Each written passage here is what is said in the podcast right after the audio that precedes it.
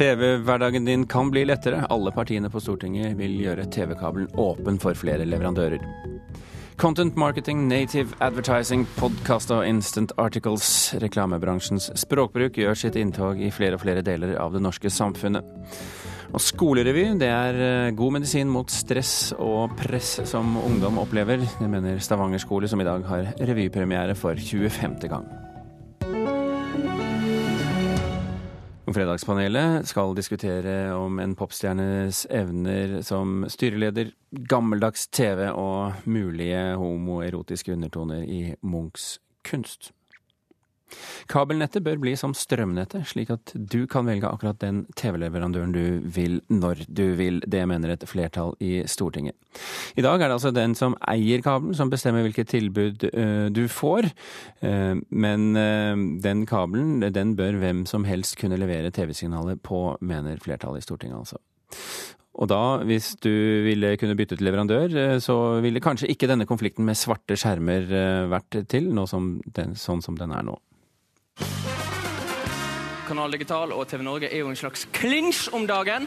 Du, det betyr jo at, eh, at, eh, halvparten av eh, seerne våre i praksis har svarte skjermer, som betyr at vi får ikke reklameinntekter fra de. Denne ukens sending med Ylvis live fra Folketeatret fikk et dramatisk fall i antall seere. Striden mellom TV Norge-eier Discovery og Kanal Digital handler om hvor mye kanalene er verdt og hva de skal koste. Imens er resultatet svarte skjermer for kundene. Og Det betyr at vi har måttet kutte litt i kostnadene våre, og da røk sofaen. Den betaler jo leie for. Ja. Men for seerne kan det nå komme hjelp fra Stortinget. For alle partiene opplyser at de i utgangspunktet er positive til å innføre såkalte åpne nett. Dvs. Si at du selv kan velge hvem som skal levere TV-innhold eller internett, uavhengig av hvem som eier og har lagt kabelen som går inn i huset ditt. Det er ingen tvil om at det er den veien utviklinga bør eh, og skal gå. Geir Pollestad er stortingsrepresentant for Senterpartiet. I 2008 fremmet Høyre et forslag for Stortinget om nettopp åpne TV-nett. Det ble stemt ned av de rød-grønne. Pollestad er tydelig på at det nå er på tide å tenke nytt. For noen år tilbake siden så gjorde vi en andre vurderinger, men det var fordi at da var markedssituasjonen en annen. Men eh, framtida er at nettet skal være åpent for alle, og at en skal ha like eh, muligheter til å konkurrere om innholdet. Venstre har programfestet at vi må få åpne nett her i landet. Kristelig Folkeparti er også tydelig på at det må til. SV og Miljøpartiet De Grønne ønsker seg i utgangspunktet også åpne nett og mer valgfrihet, men ønsker ikke ta stilling til saken før regjeringen kommer med stortingsmeldingen Digital agenda. Den skal etter planen være klar før sommeren. Vi må få en skikkelig debatt om hvordan vi kan sikre nettnøytralitet, åpne nett eh, og tilgang for alle. Arbeiderpartiet har heller ikke landet på for eller mot men mediepolitisk talsmann Arild Grande antyder hvilken retning det går i. Veldig mye er låst i pakka. Eh, jeg tror at eh, mye kan løses dersom flere får muligheten til å sjøl sette sammen sine pakker, men også får muligheten til å bryte avtaler hvis det viser seg at innholdet man har betalt for, ikke blir levert. Jeg mener at vi må gå i retning av at nettene åpnes. Fordi at vi kan ikke ha det sånn at eh, det legges parallelle fibernett over hele landet til enhver husstand. Det kommer jo ikke til å skje. Etter at Høyre og Fremskrittspartiet altså var for åpne nett i 2008, har regjeringspartiene gått tilbake i tenkeboksen. For selv om det er ønskelig med mer konkurranse, sier statssekretær Reinier Johannesson i Samferdselsdepartementet at det er flere hensyn å ta når de nå jobber med stortingsmeldingen om hvordan den digitale infrastrukturen skal se ut her i landet. Og da er vi nødt til å balansere hele veien. Hvor mye konkurranse skal vi kreve i markedet til enhver tid? samtidig som vi ikke må fjerne insentivene for at selskapene skal fortsette å ta investeringsbeslutninger, slik at folk eh, hjemme kan få tilgang til høyhastighetsbredbånd. Det er også en viktig forbrukersak. Og reporter her, det var Thomas Alvarstein Ove.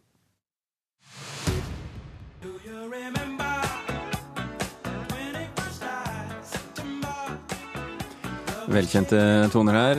Grunnleggeren av gruppen Earth, Wind and Fire, Maurice White, er død, 74 år gammel. Det melder BBC. White hadde Parkinsons sykdom, og tilstanden hans forverret seg de siste månedene. Og det er mange som uttrykker sin sorg på sosiale medier i dag. Eirin Venås Sivertsen, vår reporter i studio. Ja, han favna svært bredt. Alt fra MC Hammer til Lenny Kravitz til Bryan Adams uttrykker sin sorg på sosiale medier i dag. Eh, Earth, Wind and Fire hadde en rekke svært kjente hits, eh, og har solgt over 90 millioner album verden over.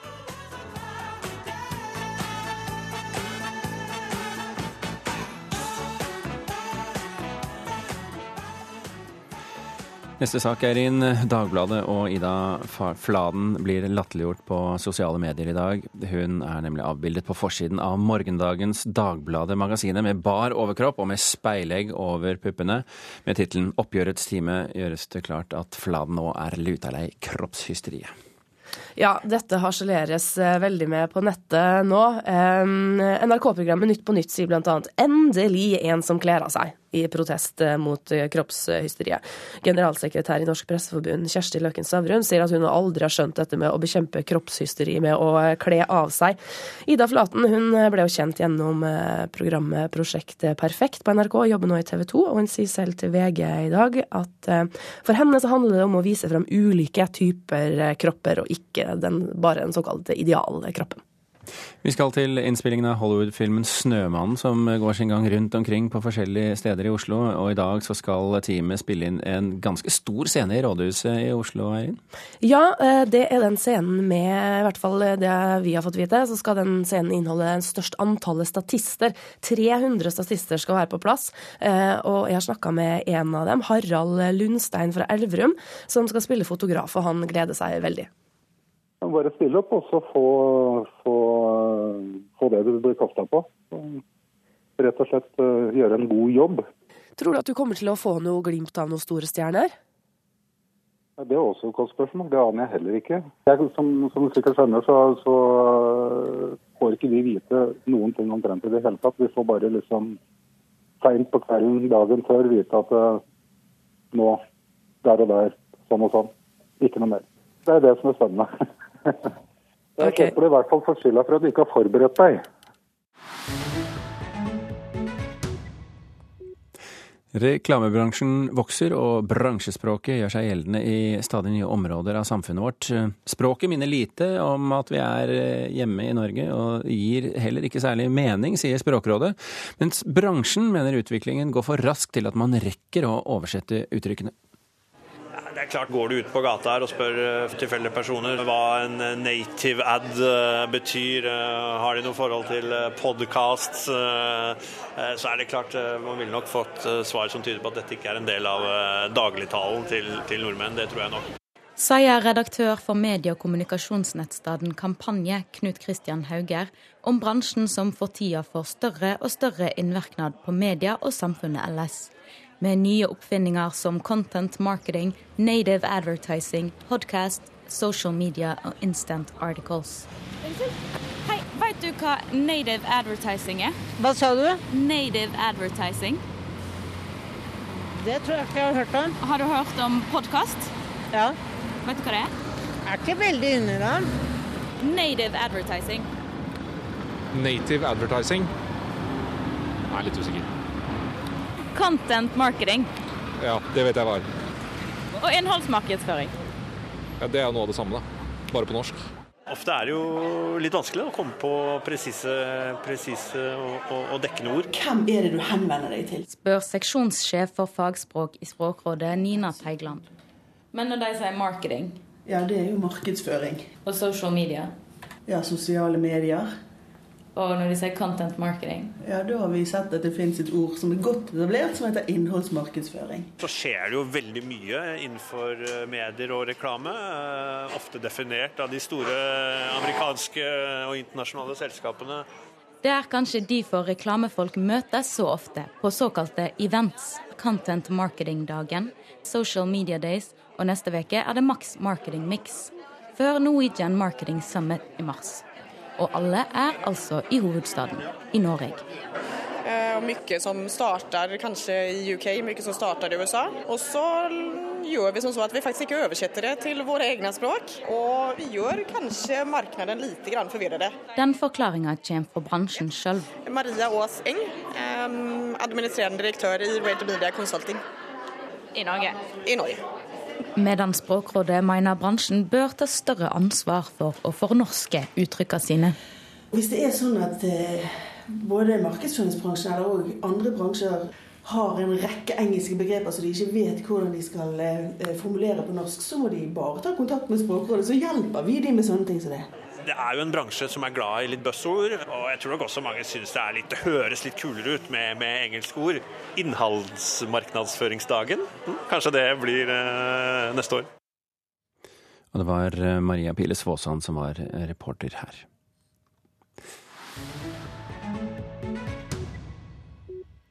La skolegutter lese tegneserier, det mener forsker Marie Lisbeth Amundsen ved Høgskolen i Sørøst-Norge.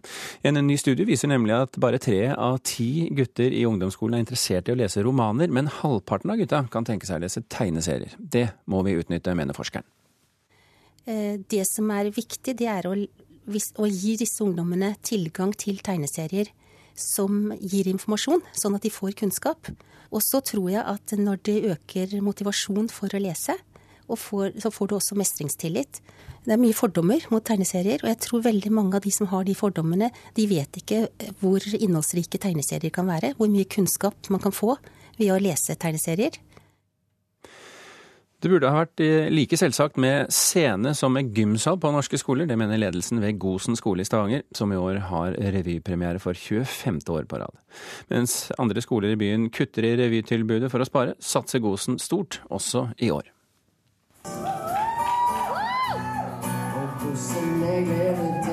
Jeg visste jo ikke jeg kunne synge før jeg kom her til revyen. Så det var veldig kjekt, og så fikk jeg eh, mange sangroller. Dette er Daniel Akselsen som synger, 14 år og 9.-klassing ved Gosen ungdomsskole i Stavanger. Årets Gosen-revy, den 25. i rekken, handler om fest og glede, men ikke bare. Skolen, det krever sitt. Alltid er det et neste skritt. Revyen handler også om en gjenganger i dagens nyhetsbilde. Barn og unge bruker mer antidepressiva.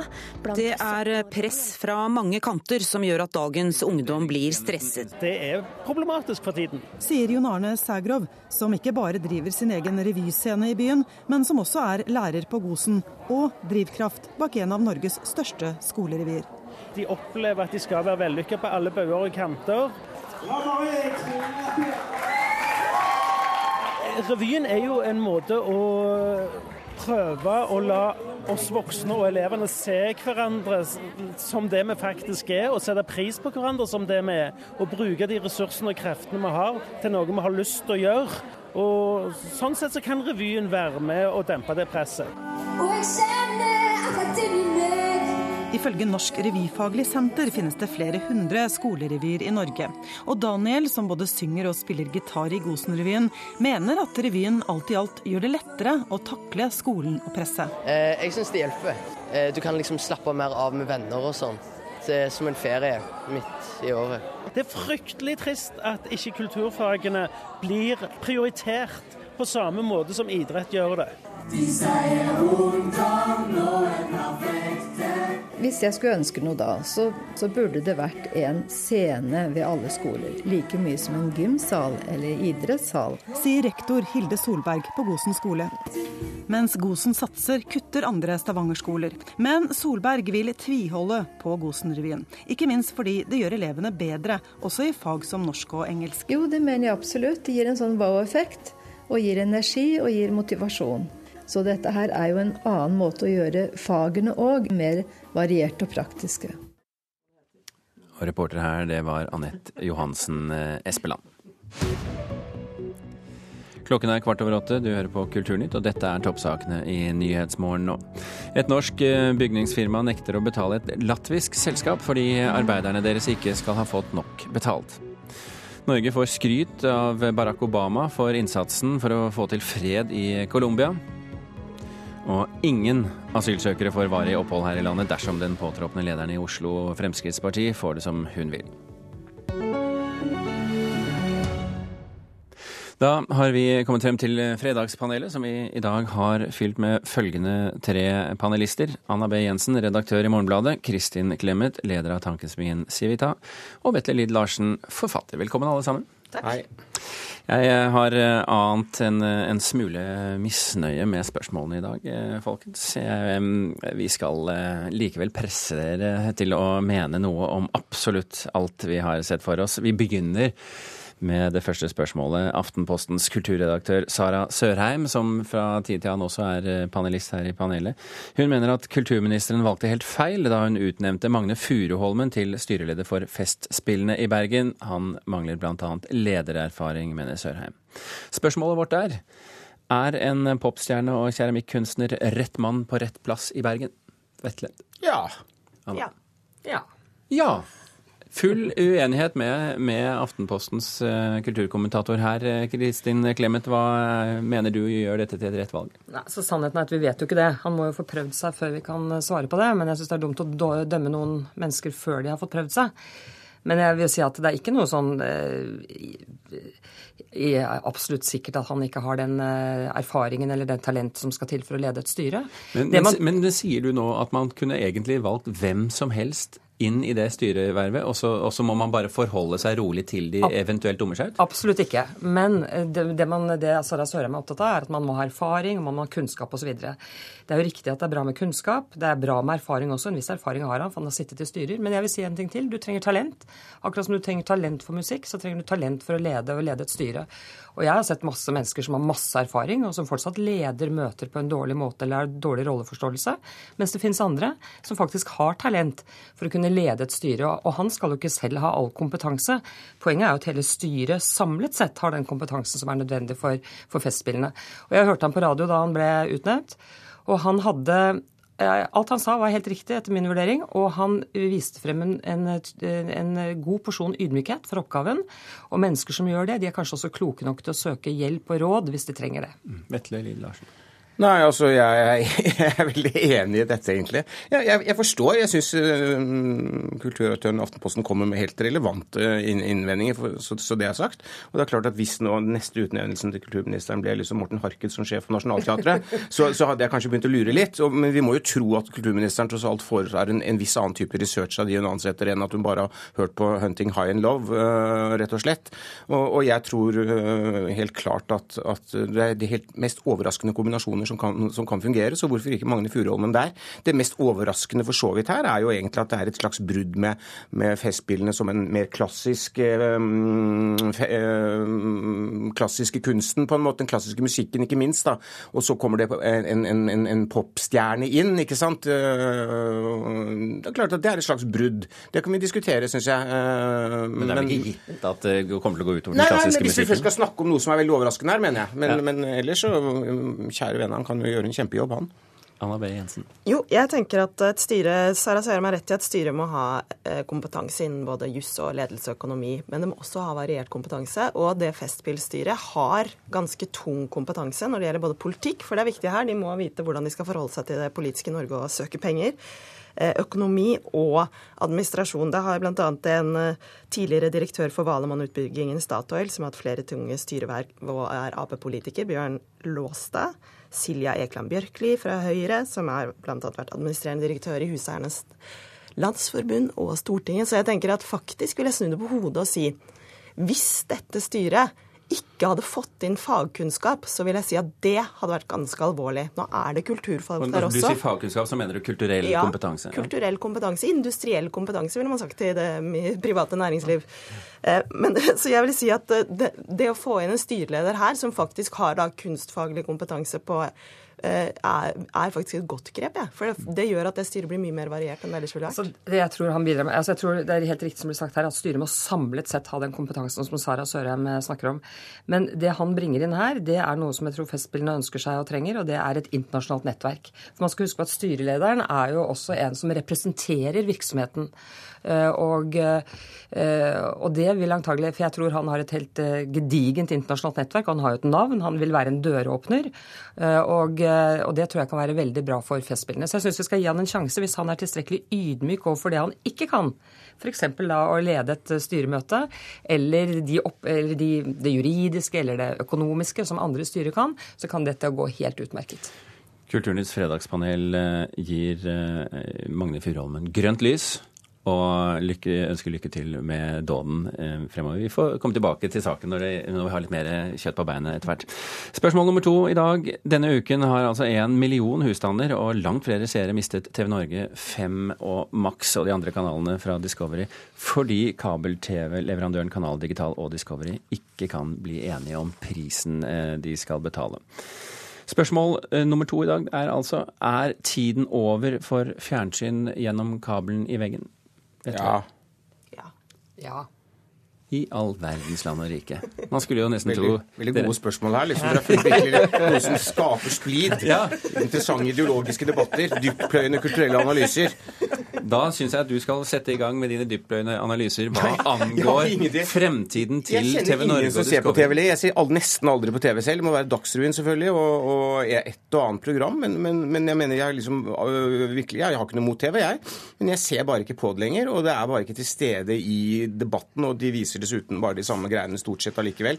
Eh, Sånn at, sånn at det er på en måte strømme-TV som er fremtiden. Det er klart det er det. Og at dette blir et sånt ett av mange skudd for baugen i en mm, virkelighet som vi bare om ti år kommer til å synes var ufattelig gammeldags. Da justerer vi spørsmålet litt. Grann, Kristin Clemet. Driver nå Discovery og, eh, og, og Kanal Digital og graver sin egen grav? Er det det de gjør? Ja, det tror jeg kanskje de kan gjøre. Altså, eh, jeg oppdaget nå i forbindelse med denne saken at han vi alle trodde skulle bli kulturminister, nemlig Olemic Thommessen, han fremmet i 2008 et forslag om å gå bort fra dette og få sånn åpent, åpent nett. Og nå diskuterer man jo det igjen som en følge av denne saken. Og sånn er det jo når vi bestiller strøm. Da betaler vi nettleie, og så kan vi bestille strøm fra hvem vi vil.